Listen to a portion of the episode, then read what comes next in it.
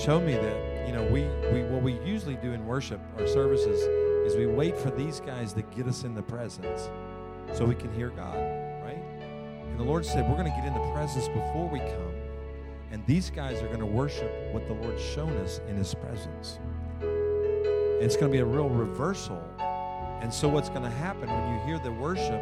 It's going to be the confirmation to what He's already shown you told in Scripture to come to church or ministry with a psalm, a hymn, a spiritual song, which means that you've already been with Jesus before you got here. And, and here y'all are coming in. You're just like, and you know, you're getting in here. I made it. Feed me. Feed me, you know? And then these guys got to perform because you didn't spend time in that place with Jesus. And the anointing, you think about this. If you come in with that, we're at this level, and we're going to go to this level. But what you come in is at this level, and they got to bring you up to this level. Release you guys, man. Wouldn't that make your job a lot easier, right? Your ministry a lot easier? Expectancy will change everything. It will just change everything in the room. Okay, that's just added bonus. All right, where did I leave you? I left you in this place, the space. Now, this space is also a, a waiting place. We know that, but it's also what we call the middle place. Because you have what God spoke to you. Over there is where you're supposed to be, so you're in the middle. You know, when Abraham gets a word he's going to have a baby, and he's 90 something years old, and his wife is too he starts walking the journey and look, provision. He needs seed. That's what he needs, right? Y'all, y'all know about that in this area. Both, both y'all are really good at seed here, all right? I'm talking about your farms. Where'd y'all, where'd y'all go? I'm talking about your farms, okay? So y'all understand seed. He needed it. He thought he couldn't have it. She didn't think she needed egg. She needed eggs, right? She needed a receptor. And she didn't think she had it. She laughed at God. When God said, You're going to do this, she laughed. right. Right. But then she started worshiping, so did he. And they got in that place where God could conceive a promise when the natural could not. See, that's that terrifying word. Mm-hmm. Terrifying. How many of y'all have had terrifying words? I had a dream when I was 42 we are going to have a baby. That was terrifying. okay. I thought we were done. Nah, nah. It's one of those things. Like God, I started thinking, wait, you know, I already had plans. You know, empty nest and da da da da da. And God said, well, you didn't ask me about mine. My plans. I need more, I need more light in the earth. I need more warriors in the earth. Okay, you understand? So I had to get in that middle place. Abraham had to get in that middle place. When you read that, in the, you know, in the Bible, when you study his story, you know, you turn a few pages and then boom, shakalaka, there's Isaac, right? That's 25 years. you know, from the promise to when it happens. And the middle place is that place where you worship him. And also the middle place is where the Lord is dealing with you and getting all the stuff out of you. Because you won't stay in this space. You jump out. And Abraham jumped out, didn't he? With his wife's help, but he jumped out. You know, she, they're thinking carnally. We need a promise. It's over here. And the devil was a big part of that. And today, 4,000 years later, that, that seed is still biting their rear end. You go to Israel, you see it everywhere.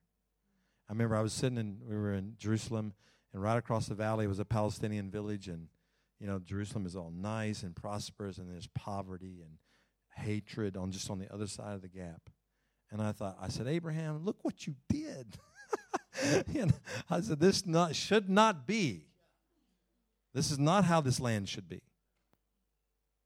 But you didn't see that God would provide all things for you. And a lot of your mistakes and my mistakes is because you didn't think He could provide all your needs. That's poverty. In, uh, in some third world countries, you'll see this. I, I, I, do a lot in Central and South America, used to. And like uh, somebody'd want a, some fish, and they'd run across a pond with fish, and they'd take dynamite and just blow up all the fish, and then just sweep it and go, well, we fed ourselves. No more fish. Okay, that's poverty, right? Provide for me. That happens in Africa a little bit, I heard. I'm just joking, you know, all right? Don't, don't shoot me down. All right. So we're, we we left you in the in this middle place in this space, and what we're trying to do here in this place is to get to have a conversation with the Father. That's what we want. We want to get into conversation. I think conversation is a better word than prayer and travail, and because we make all these spiritual words, and we really just need to talk to Him, and we and we need to know that He heard us, and and I think that's half the battle. You know, for like uh, back to your children, you know, my little boys when they were little. How many of y'all know what that tug is? Y'all parents, y'all know what that tug is. And you're talking to somebody and it's just, daddy, daddy, daddy, daddy, daddy, you know. I'm like, shut up, shut up, shut up, shut up, you know. And you know, and, and you'll just you'll try to push them away. That don't do anything. That just intensifies their their their and you know their possession to go after you. Because why? They want your attention. And you're supposed to teach them, you know, you teach them being polite. You wait till daddy's done and all that. But there's there's times that you go, you just turn around, look in their face, and say, "Yes, son, what do you want?" And he said, "Daddy, I need a dime. I, you know, I need some coins. You know, right? Whatever." And you give the coins, and you think, "Thank you, Jesus. Go away." You know. But I'm telling you, that's what we do to Father. Father, Father, Father. I need this, I need this, I need this, you know, and there, he's in his kindness to say, okay, what do you want? You know, he'll do that. But how much, how about just knowing that the Father wants to talk to you? And that I don't have to beg. I don't have to plead. That I get in this place and I know in this place he'll talk to me. Because he, he knows, no, I've turned off all that and I've gotten here. And now he has our undivided attention. So that's the difference between seeking his face and seeking his hand. I gave y'all a prophetic word. Y'all think y'all prophesied it here. The, this is the year that God's going to bless the face seekers. And the provision is going to come. The high yield, a, prophet, a prophet, profiting this year is going to come from those who seek his face, not his hand. And I'll say 80 maybe percent of prayer of saints is for the hand of God. They're just, I need this, Lord. I need that. I need that. Word like that little kid. Danny, Danny, Danny, Danny, give me some coins. And coins, he said, What do you mean coins? I got cash waiting on you over here. And you're begging me for coins. Because you want a down payment on something, he wants to pay it off. Well, that was good. Amen, prophet. I said, Yes, yes. I received that. the Lord told me to get our people debt free. How many y'all want to be debt free? I just really believe that's where God wants us this season. Is that we're debt free because the liberty that we will have, the abundance we will have in the Lord is being there. I'm not saying debt's a sin. I'm just saying that's where the Lord wants us to be, okay? That's where He's taken. That's what He died for. And I'm not talking just about debt money, but debt of everything. People, things I owe in life, all right? Are you there? Now, let me tell you a story out of the Bible. I did a message on it. You can go to our YouTube page and just type in Hannah's prayer on our, our page. I did this on Yom Kippur, and I don't want to do the whole story. I just want to take some nuggets out of it. And you know the story of Hannah. She's barren, she doesn't have any children. She lives with this man who also has another wife, uh, and they have multiple children. Okay, picture that you're barren, you have a promise, you're supposed to have a child, and you got to come home every day and look at a woman who has all these kids. And you're supposed to stay in in this place and worship God and say, Lord, I'm not going to worry about her prosperity and her abundance. I'm going to focus on you. And I'm going to say, You have seed. You have provision. You're the one who's going to fit. But, but, you know, there's the problem.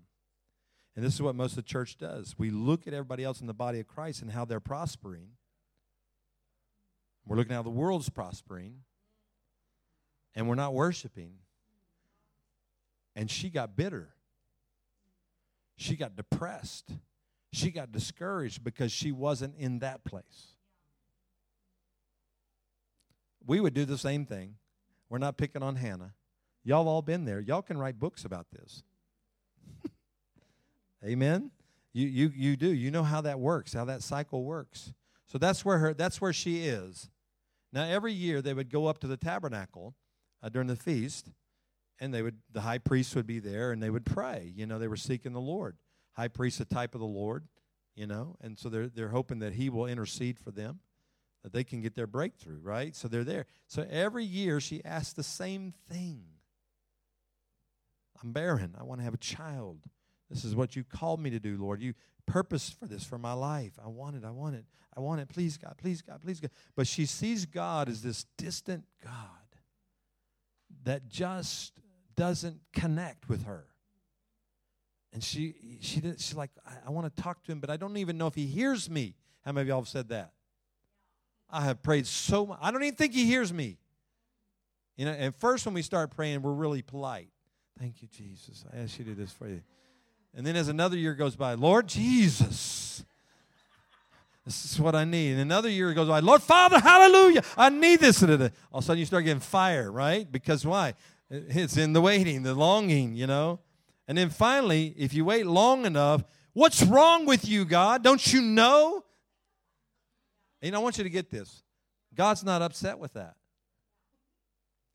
Because at least you're finally verbalizing what it's already in your heart. He knew it was there all along anyway. You've been acting all holy and religious like it wasn't there.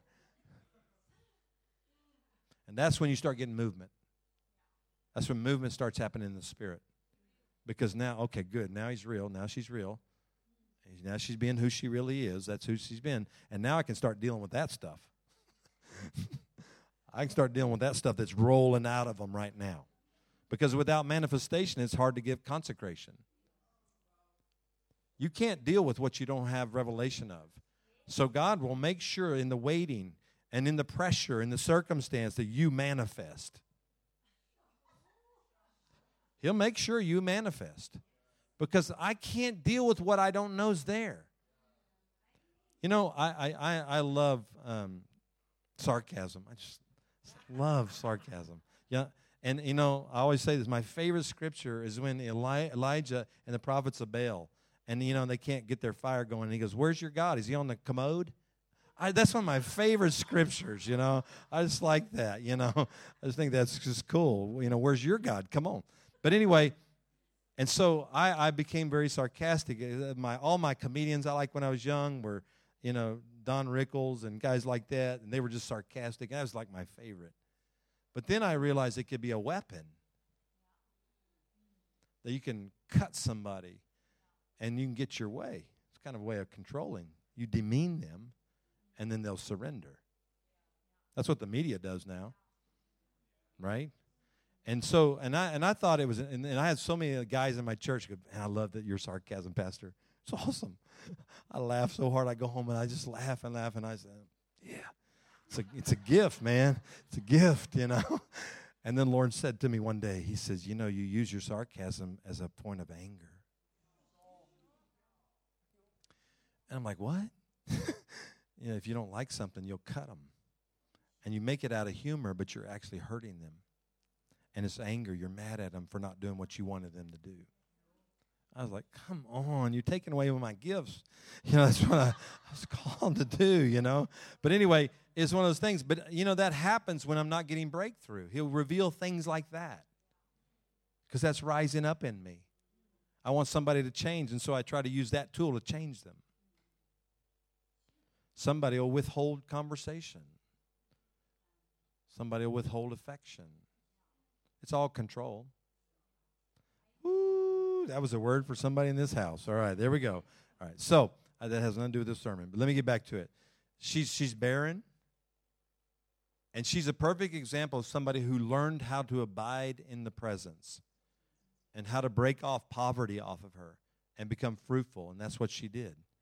And the revelation she got in that is off the chain, amazing. It's one of the best revelations you'll get, is what she got off that. So that's what would happen. So she's sitting there looking at her other wife, you know, her husband's other wife, and having to deal with that. And she's broken. She's in utter desperation. And what she was in desperation for was not a baby. That's not what her desperation was. Her desperation was to have a conversation with God and to know that He hears her and that He cares about her because she's in a spirit of rejection. She feels like God's rejected her because she's barren. She feels like her husband doesn't care or doesn't love. And he, he throws double comfort on her. He's constantly trying to comfort her, but it's not working because she wants to connect with the Father and she's not connecting. That's what every human wants. Every lost person that's out there wants to have a connection with the Lord. That's why when we prophesy to lost people, it rocks their world. Because the God of all creation knows about them and tells them something that, that, that nobody else knows and tells them that they have a hope and a future. That's how we win people to the Lord now. We don't do the classical evangelism. We go out on the streets and prophesy to them and they come to Jesus because they find the God that wants to talk to them and connect with them.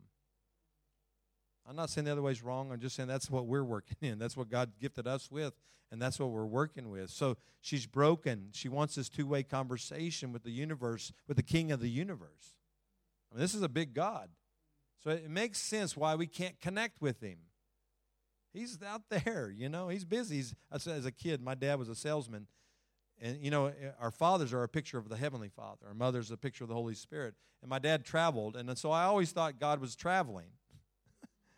You know, he's somewhere else. And when he gets home, I got to ask him everything because he's going to go travel again. All right? And I think whatever your view of your papa is, your natural papa, you're going to have that natural view. You need to deal with that because you're going to have a distorted view of the Heavenly Father. And you got to understand, the Heavenly Father is not he's like my dad. He's not traveling. He's omnipresent. He's omnipresent in my life at all times. It's like me and him are alone all the time. Psalms 139 says, His thoughts for me are so huge and so many, we can't even count them. And you struggle with rejection.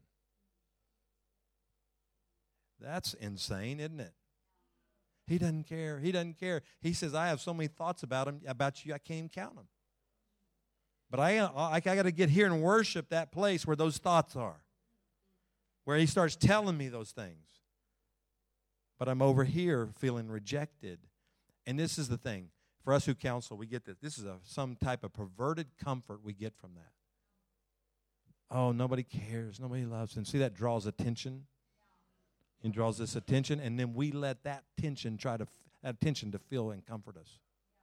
And it's always empty because we got to stay a victim in order to keep getting that comfort. So, and in order to, if we're not a victim, these people won't be doing that. So, I, if I if I get healed, then I lose all that. So I get it healed and I come over here and he just comforts me and I don't need those people and all those people are just rejoicing. Hallelujah. Thank you, Jesus. I don't got to keep pouring into that person to make them convinced that they're loved by God.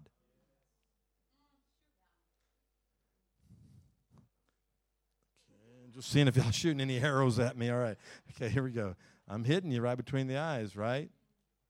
So she was filling in that space between her and the Lord in her prayers, she was starting to get there to fulfill this promise. She was literally starting to break the spirit of poverty through the years of God dealing with the issues of her heart. The more God started dealing with her and her issues, the closer she got to Him. And it's painful. I think 80 to 90, I was telling her today, 80 to 90% of all mental attacks or mental issues are tied to humans of trying to avoid pain. So I've been wounded by people. I'm not getting near people. Then I'm depressed because I'm supposed to be with people.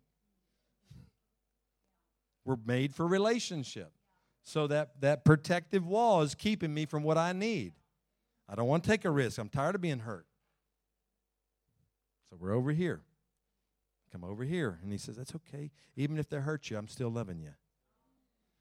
I had a girl in my church. She's she had this bubble around her. I'm telling you, it was a bubble. I could feel it. And it was don't get near me, do not accept me. I'm not worthy. I mean, it literally had a voice. Most people who struggle with rejection, that's what they're emitting, emitting off of them. And then they blame the people that reject them. And all the people are doing is hearing their soul and then agreeing with it. Well, they don't I don't want to be around them. And see another person rejected me. And they're the ones that emit that spirit.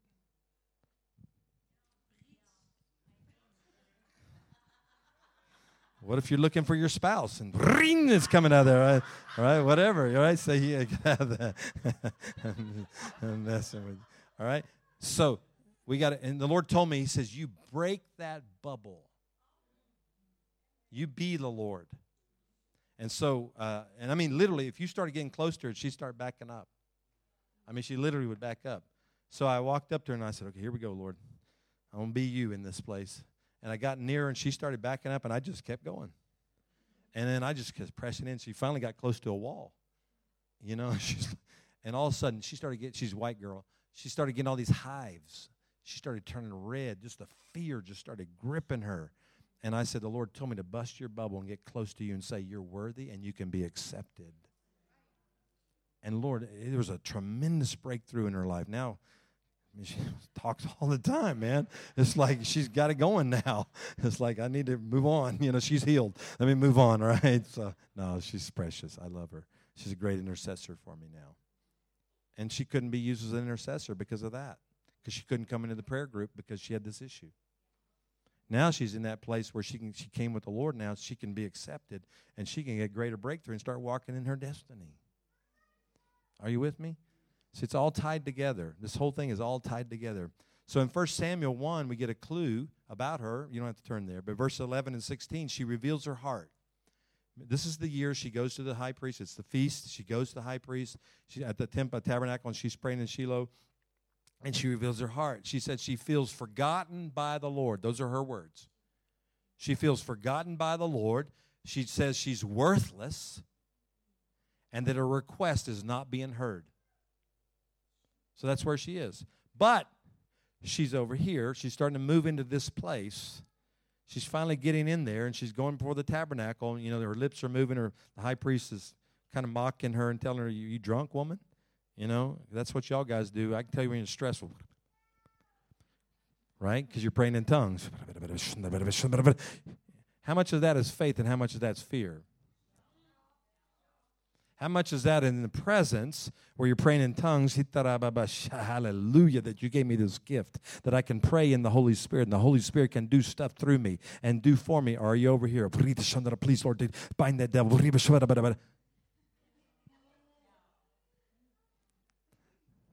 Y'all gonna have revival after I leave. I'm telling you, it's gonna hit. All right. So she's she's letting she's telling us that she sees God as some distant place that she's not connected with. And she just wants him to hear her cry. That's all she wants. Please, God, hear my cry. The spirit of poverty will tell you that God has forgotten you and has not heard your request. That's what that spirit will tell you. He's, he doesn't care about you, he has not heard your request. And now he's this distant God that I cannot connect with and I can't have a conversation with because he's, he doesn't even care about what I'm saying. How many y'all do that with the relationships? If somebody doesn't listen to you or connect with you, you distance yourself from them. I'm not talking to them anymore. That's it. I'm not going to be rejected anymore. That's I'm through with that. But what about in this place in his presence? You're feeling so accepted and he says to him, "Keep talking to him. Keep talking to him." Sometimes when I prophesy, I feel like I'm prophesying to a concrete wall. And many times God says, Keep prophesying. I said, Lord, they don't want this. He said, I don't care what they want. I want this. Keep prophesying. Because the Bible says, My word will accomplish what is sent out to do.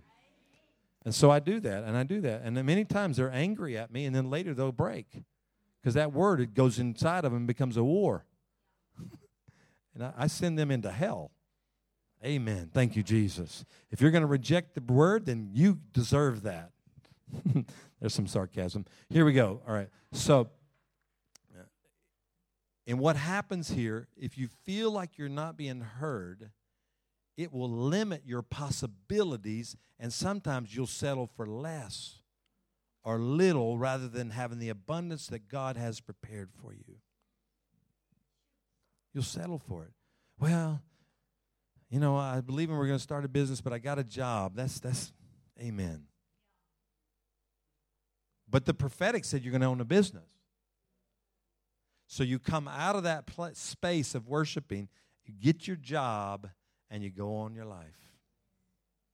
And you settle for less. And now you're living in poverty and you can't figure out why. Now your bills are being paid. Kids are happy. They get to play soccer, they get to play rugby. Everything's happy, but you're miserable.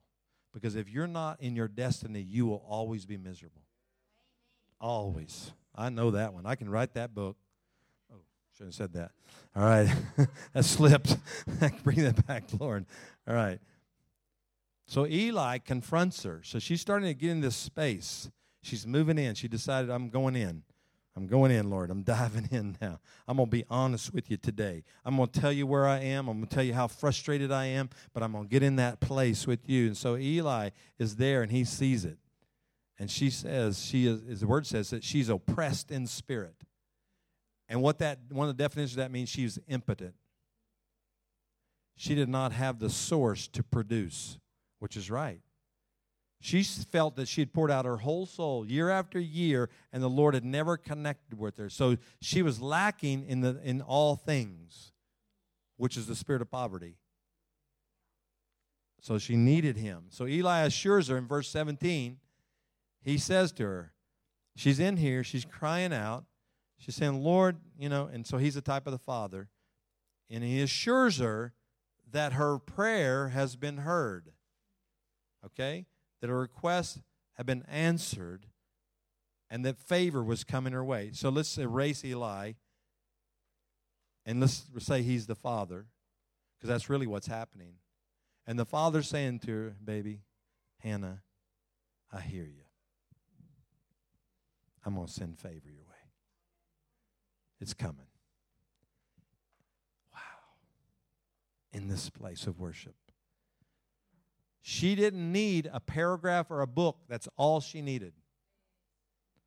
She just wanted to know she was connecting with the universal God, the one God who created all the universe. That's what she wanted. And in that moment, she connected. And that's what she was really after. The baby was a byproduct of this moment. And that's what you're really after, folks. You think you're after your destiny. You think you're after this and that, a business, a property, a spouse. You think you're after all that, but you're, what you're really after is His presence, and you want to know that you're heard, and you want to have a conversation with God, and assures you that He knows what you have need of, and He wants to help you. That's what we're all after. And so she connected in that moment right there. That He was going to fill that space and she was going to begin to experience the abundance of God and who He was. Now, get this. She wouldn't eat. Every time the feast would come, she wouldn't eat. Her husband would fix her double the portion. She wouldn't eat because she was miserable. She wouldn't talk. She was angry. She was frustrated. She was all those things. And when she came out of that moment, of that, that space with God, she was smiling. She was full of joy. Now, her prayer hadn't been answered, but it had been answered. You understand? Sheer prayer had been answered, but the manifestation of it had not come forth. So there's nothing better than that. That no, how about this? Somebody says, Look, I'm going to send you the money. Whew, thank you. Now you don't have the money, but you got the word. And I can settle in that word, especially if there are people of integrity you know, and they're going to do what they said they're going to do, then you can rest. Then you don't have to keep worrying about the money. It's on its way. So she knew it's on its way. So she goes home and eats. You can imagine how her husband was so excited because she'd been he'd been fixing all this food for her, trying to bless her, and she wouldn't receive it. And all of a sudden she's she's an African, man. She's just like going after it. Meat, meat, meat, enjoying, enjoying, enjoying. She's going after it. And he's thinking, what happened to my baby? She's, she's, something's happened. And you know what that does? It attracts the anointing, that hmm. attracts the abundance. And now her husband, I believe, I, now I know there's not too many children in here, but I, I, I believe it changed their DNA. I believe his seed, his seed became alive and her eggs got wide open.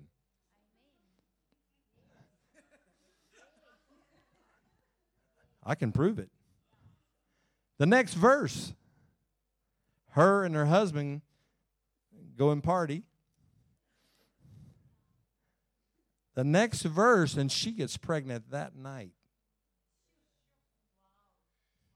After she started walking in joy that the Father had heard her.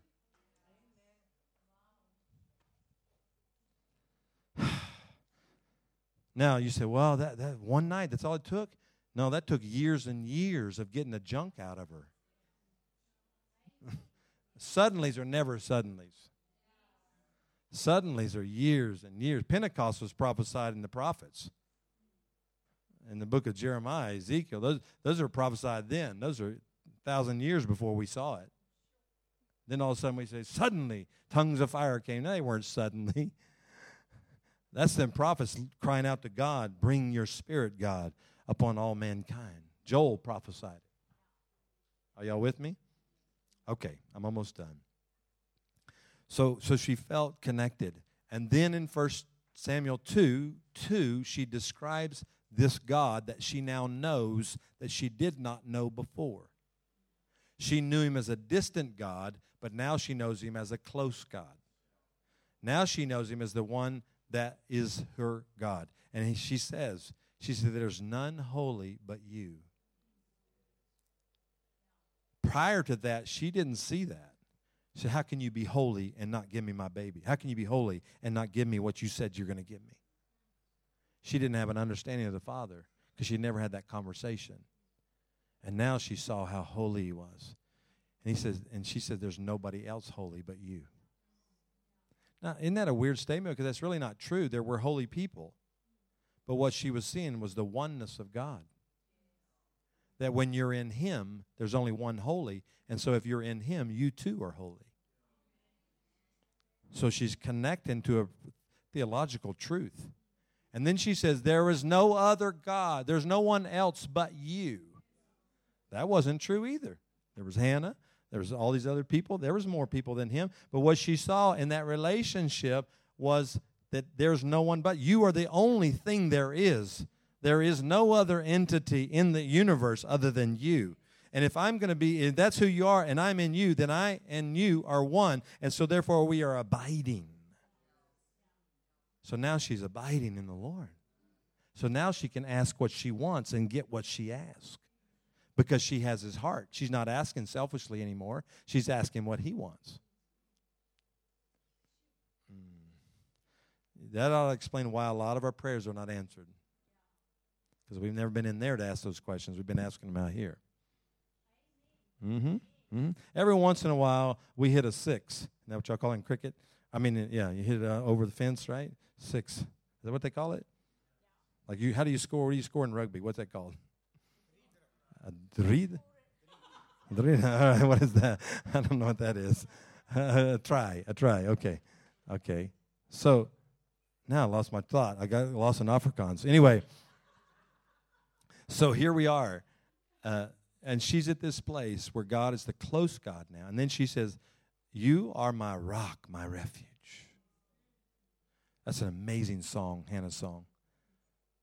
Now she went from oppressed, thinking she wasn't loved, that God didn't hear her, that, that she was impotent, she was all those things, to now I have everything I had need of is in Him and I'm in Him, so everything's good, and I'm going to sing the song. And when you sing that song, it talks about how He kills and He He brings people to life, and He's the abundance. He takes care of everything. She has this new revelation that comes out of this crisis. So I'm here to tell you that God allows your crisis to come to revelation. Hmm. So that type of that, that type of abiding we're talking about here creates a momentum and it allows us to stop listen to me on this one. To stop moving from miracle to miracle and start living from abundance to abundance. Have you ever lived in your life where it's all you have to have a miracle, and then you get it, and you got I got to have another one. The next week you got to have another one. It's always from miracle to miracle. And what you're doing is your your life's like this. And what we want to do is we want to lower those mountains and we want to raise those valleys. And we want life to be more like this. Well, that's boring. No, that's blessing. I'm now living in the blessing of God. I don't have humongous needs. You know, or I don't have humongous breakthroughs sometimes, maybe, but at least it's like this. And I like that a lot better. I'm telling you, I'm, I'm into that road. I love that road. I'm not saying we still don't need miracles because we always will, but I love that part. So here it is. You know, whenever you have an emotional need, or He's there in this place. All right? Whenever a crisis comes, He's there. Whenever an overwhelming need comes, He's there. He arises. He's there to provide provision to your faith in that place if you just continue to walk in it. That's what she was going. So, opposition, I want to say this opposition and warfare are a very important part of your walk. Because you discover who God is and you discover who you're not. You discover what He has and what you don't have. You, dis- do you discover that He provides all and you can't provide anything. That's what you discover. So it's the grind. You know, eh, God's grinding out of you what needs to come out of you. And, and you know, we love that. And when the end comes, we don't like in the middle of it. So let's let's go after this. Let's all y'all stand up if you will.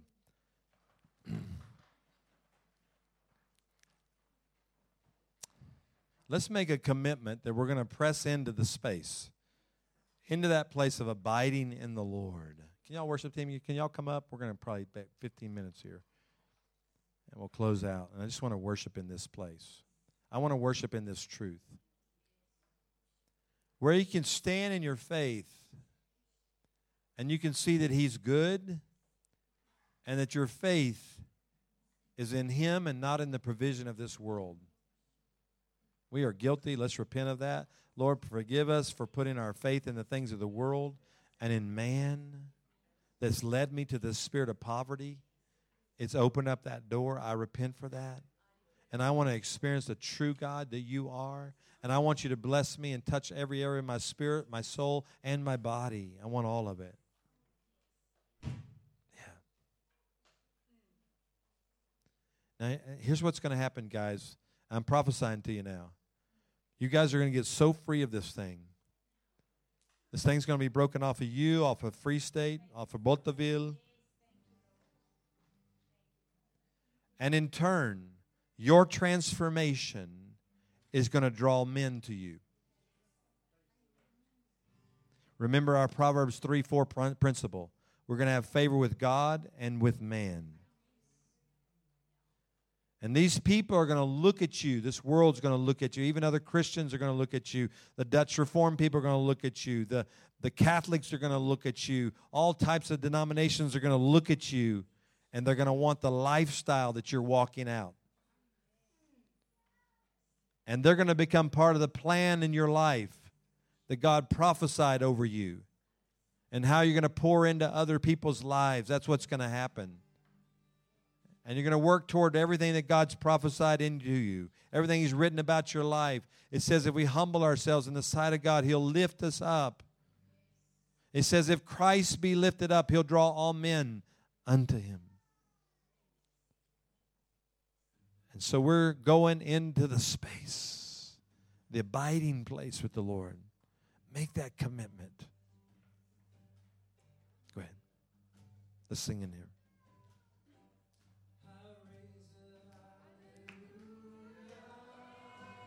That's it. Mm. That's it. That's it. That's what we're doing. Uh, hallelujah. That's what we're doing. That's what we're doing.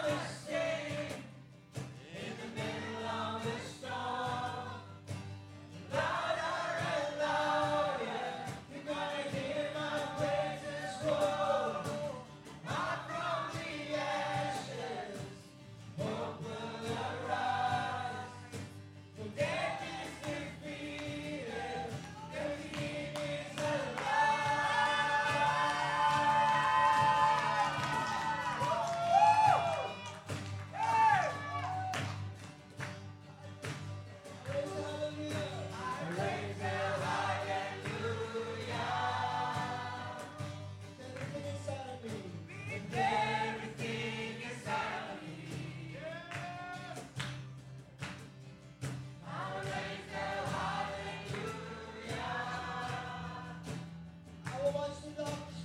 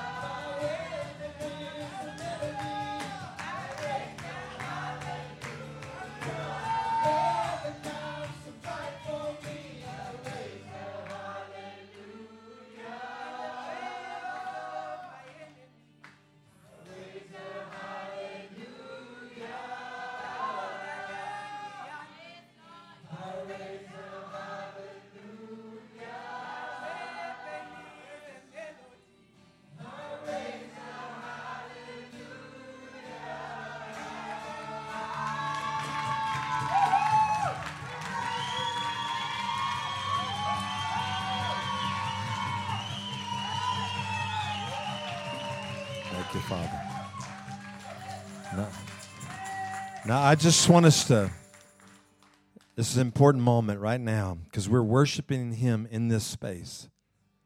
We're raising a hallelujah in the presence of our enemies. You don't know how much that pleases the Lord. Have you ever had somebody stand with you in the midst of a crisis? You know how that strengthens you? And you can't believe that they're laying down their stuff to be with you and just to comfort you. How much more is it when the Lord does that for us? You know, the Bible says if any two or three agree touching one thing, that they can have what they ask, right? Do you know with humans it's almost it's almost impossible. It's not impossible to get somebody to absolutely agree with you. Because they have their theology and their issues and so you say, Can you believe with me that I'll have this and this? And they go, Their theology may not be like yours. So they may not agree with you on that. And then you ask them to pray with you and we got two people praying, but they're not in agreement. So the prayer doesn't get answered. So sometimes it's really hard to get that. But I want you to know this when you go in this space with the Lord and you have that conversation and you hear what it's on his heart, you say, Lord, I can agree with that. It didn't say any two humans, it said if any two agree.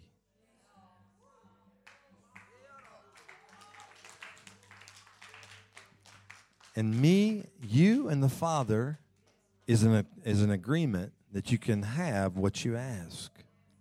And the Lord said this to me a while ago. He just said, These, My children have faith for their breakthrough, but I have more faith in their breakthrough than they do.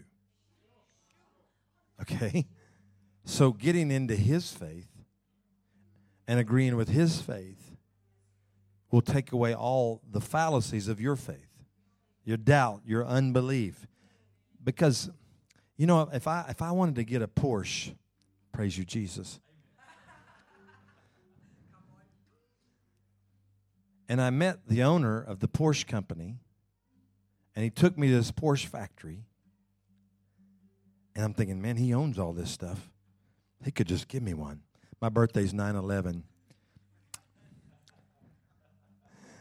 And then they make a Porsche called 911. So I think it's marked. So anyway, so I'm in there. Now I know he has the ability to just, hey, why don't you just take one of these? Don't know if he will. I need to have a conversation with him. Brother, you know my birthday's 9 11? And no, I'm not going to manipulate. I'm just saying, I'm with the manufacturer. And we're just having fellowship. We're just talking how you doing man what do you love what's your family do and we just we just have conversation and all of a sudden our relationship grows and he says you know i got all this tim why don't you just take one of these i have full confidence when he says i can have it i can have it because he owns the company it's not like some salesman out there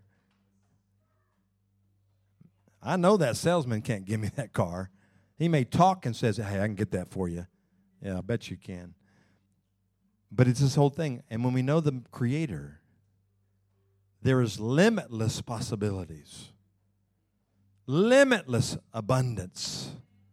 I can have everything if He wants me to have it. Now, remember, He's going to give us what we need to finish what we're supposed to finish, to accomplish that. We can't go in there selfishly and just ask. I had a friend that was taken to heaven. His, his passion always was that he, he wasn't in ministry he wanted to be in ministry. He felt God called him and he couldn't get it. Just couldn't get it. And so he was taken to heaven. And in this experience, there was a door there. And he knew beyond that door you could ask for anything you wanted. And he was so excited. Here's my opportunity. I'm going to ask Jesus for ministry. He's going to open the doors for me. Here he goes. And he goes in there and he sees Jesus in all his glory. And he said all he could do was hit his face on the ground. And he said, Oh God, remove the wickedness from my heart.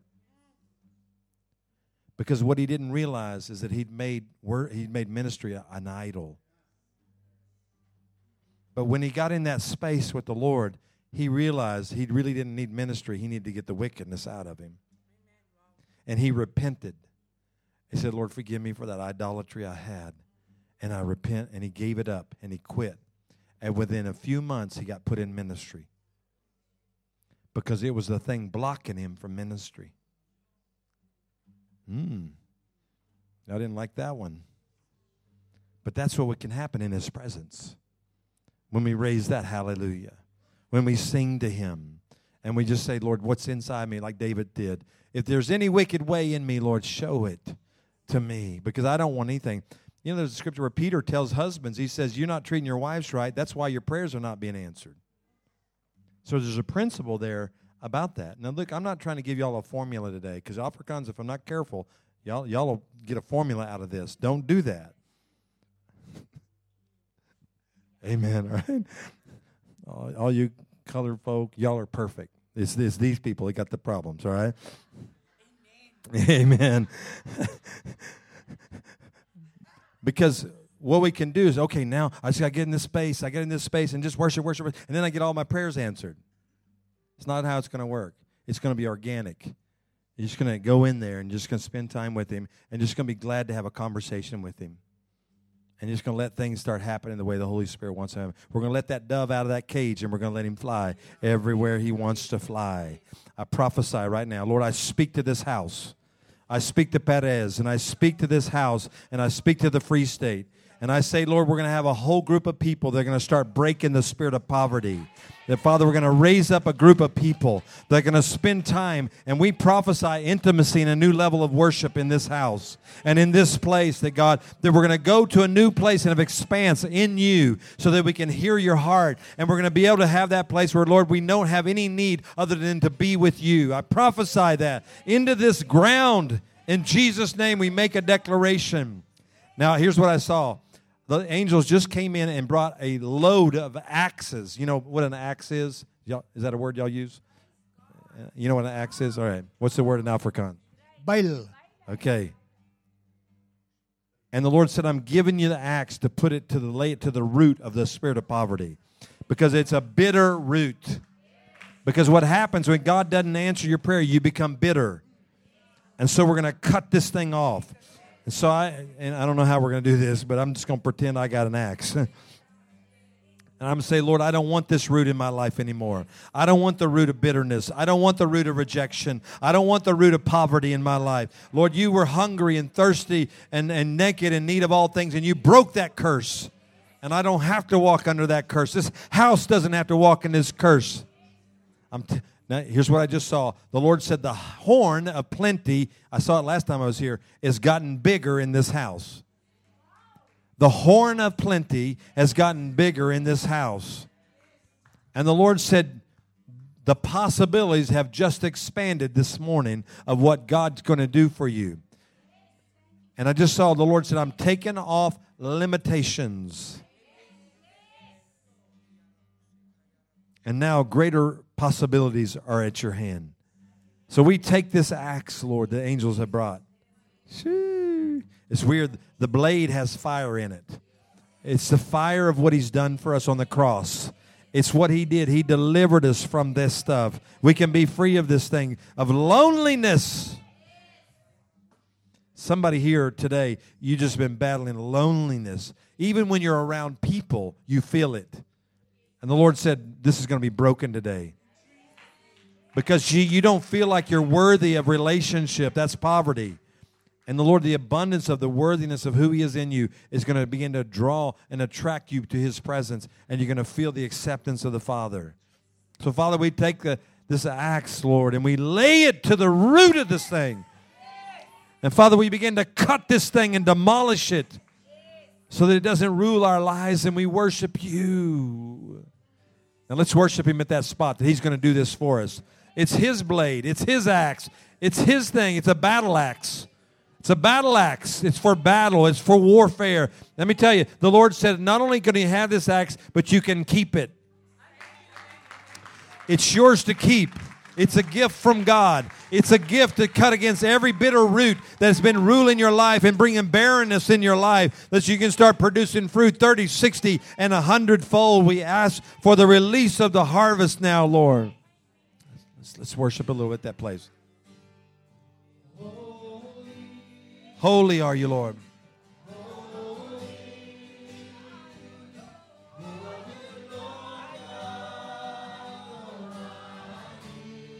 Worthy, Lord.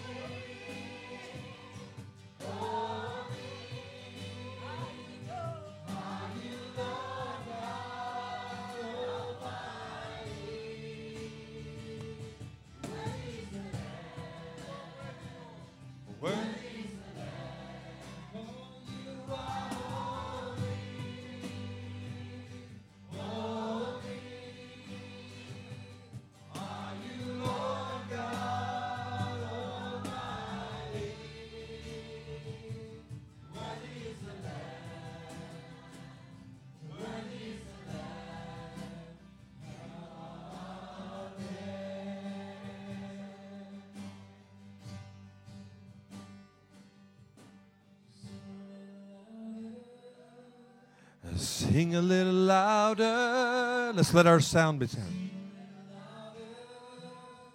Sing a little louder. Just release, Father. Release your sound. Release your sound, Father. Release your sound, Lord. Sing a little loud. Sing a little louder, Father.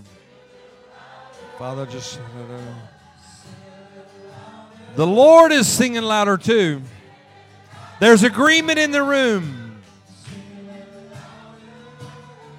Oh, sing a little louder.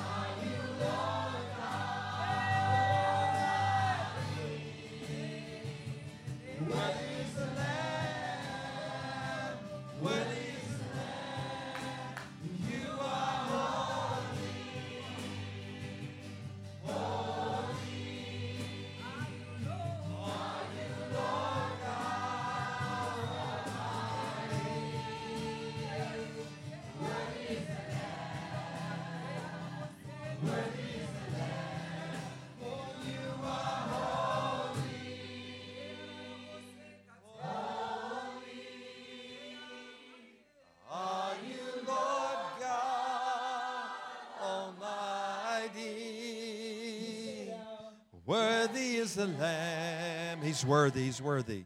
Worthy is the Lamb. Now, here's what I just saw. It's weird. I saw angels look at all the hearts, and they had like little notepads. And the Lord said they're measuring hearts for breakthrough. Okay. And so, to the level you're receiving this revelation, it's going to be a level of movement. And I, this young lady right here, um, are you by yourself today? Okay. I heard this, though. I heard the Lord say, the things, the former things of problems of the past have become your enemy. And they just keep coming back. It's like a boomerang. You know what a boomerang is? You throw it and it just keeps coming back. And the Lord said, I'm going to put a firewall. And I'm going to stop the things of the past from affecting your future. Because it's like every time you go forward, that stuff hits you again. And the Lord said, I'm cutting it off. And I want you to receive that. It's a new season for you. Now, remember, we always say this about prophecy. If that's something you need, smell the perfume of that and just take it. Just say that. I want that word. I want that word in my life right now. I really, really want it. Thank you, Father. Yeah, gentlemen, your wife got your arms lifted up. You're right. I mean, this man right back there, right there. Yeah, you. Yeah, you, you're it. yeah. Um. There's a new hunger God's put in your heart recently. It's new. I mean, you've always had a hunger, but it's a new hunger. And the Lord said, I have food that you know not of that I want to feed you. And the Lord said, You won't have to feed the pain anymore. You're going to feed the promise. And the Lord said He's going to give you food for the promise and the restoration of things that look like they've been lost. So you're going to come into a season of restoration. Do you have children? Yeah, the children, God said, I'm going to restore the children fully back to their purpose. And I just kept hearing that. And I feel like there's a whole thing, there's a pain in you about that, that you know they can have better. You know they could be walking in greater exploits. And the Lord said, I'm working on it. Because, see, as you become transformed, it's going to transform your children. And they're going to say, Boy, Daddy, something happened to Daddy. Something happened to Papa. And I want it. And there's going to be a real transformation. Get ready. He's about to feed you. He's about to feed you. Okay, take that. Okay, Natasha.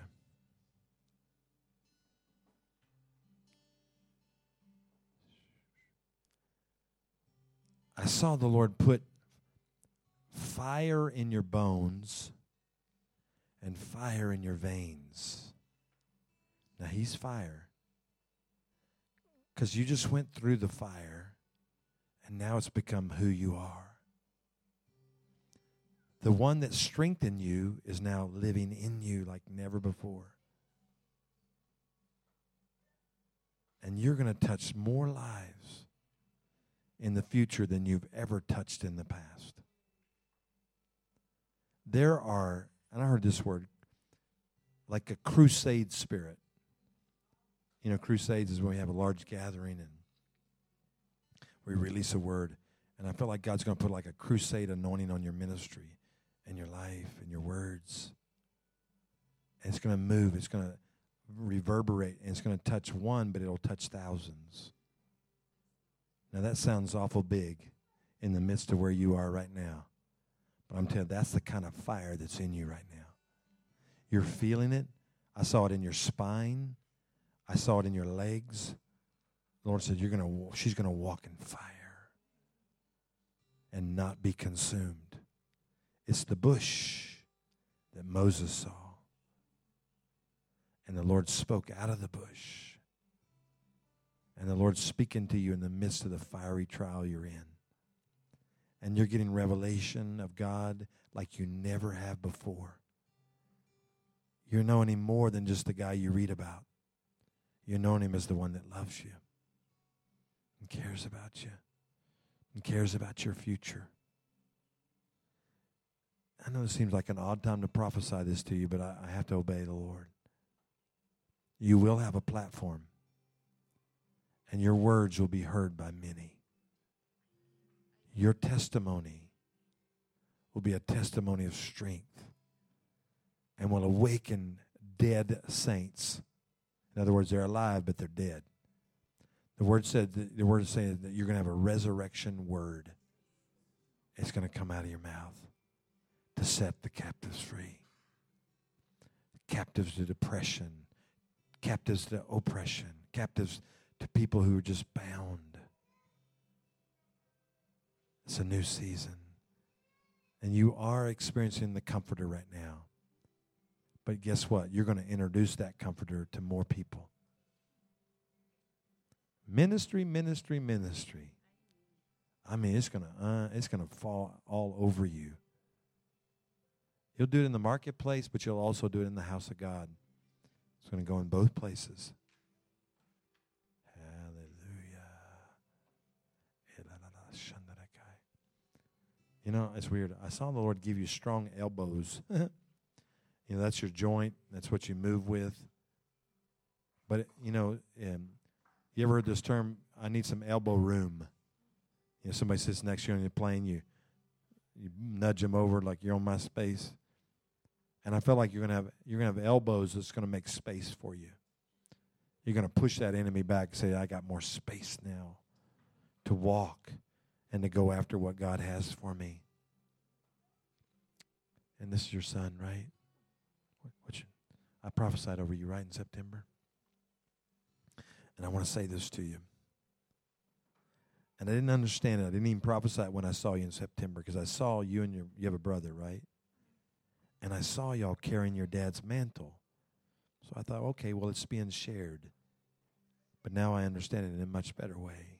And I think I prophesied, much of what I prophesied to you was really your dad's mantle. And the Lord said, You're going to carry it. And your dad will be perfected in your obedience. It's the last verse of Hebrews 11. And you're going to walk in it, and your dad's going to rejoice, but heaven's going to rejoice because the mantle will not be lost.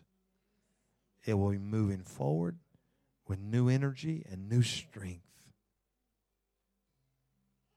And God is going to strengthen you. Now, you too will have a platform. I saw you boldness. You're going to get baptized with fire. The Lord said, I'm going to baptize you with fire for boldness. Because you know what? The pain that you've experienced is going to be your strength in the future. Who can hurt you anymore? Who can say something so bad that'll shut you down? They can't. You've experienced such pain that now it's going to become your strength. And you're going to laugh in the face of your enemy. And you're going to have strength for the future. And you're going to strengthen the millennial generation. You're going to speak to older people too, but you're going to really be a strength in the millennials. And you're going to call them out of their laziness and their self absorption. And you're going to call them into a broken place. And I saw young people just weeping around you, just contending with you. Worship's all over you. God's going to give you worship. In other words, connection with the Father. That's what worship is. It's just connecting with the Father. And you're going to really connect. And you're going to teach others how to connect. So I bless you, Father. Call forth his purpose in the earth. Thank you that you're going to heal him, but you're going to make him stronger than he ever was before. I speak that over your other son, too. Okay, you give him that word. You release that. Can we sing that part in the presence of my enemies? I don't worship in the presence of my enemies. Because that's a word for you. Just receive this.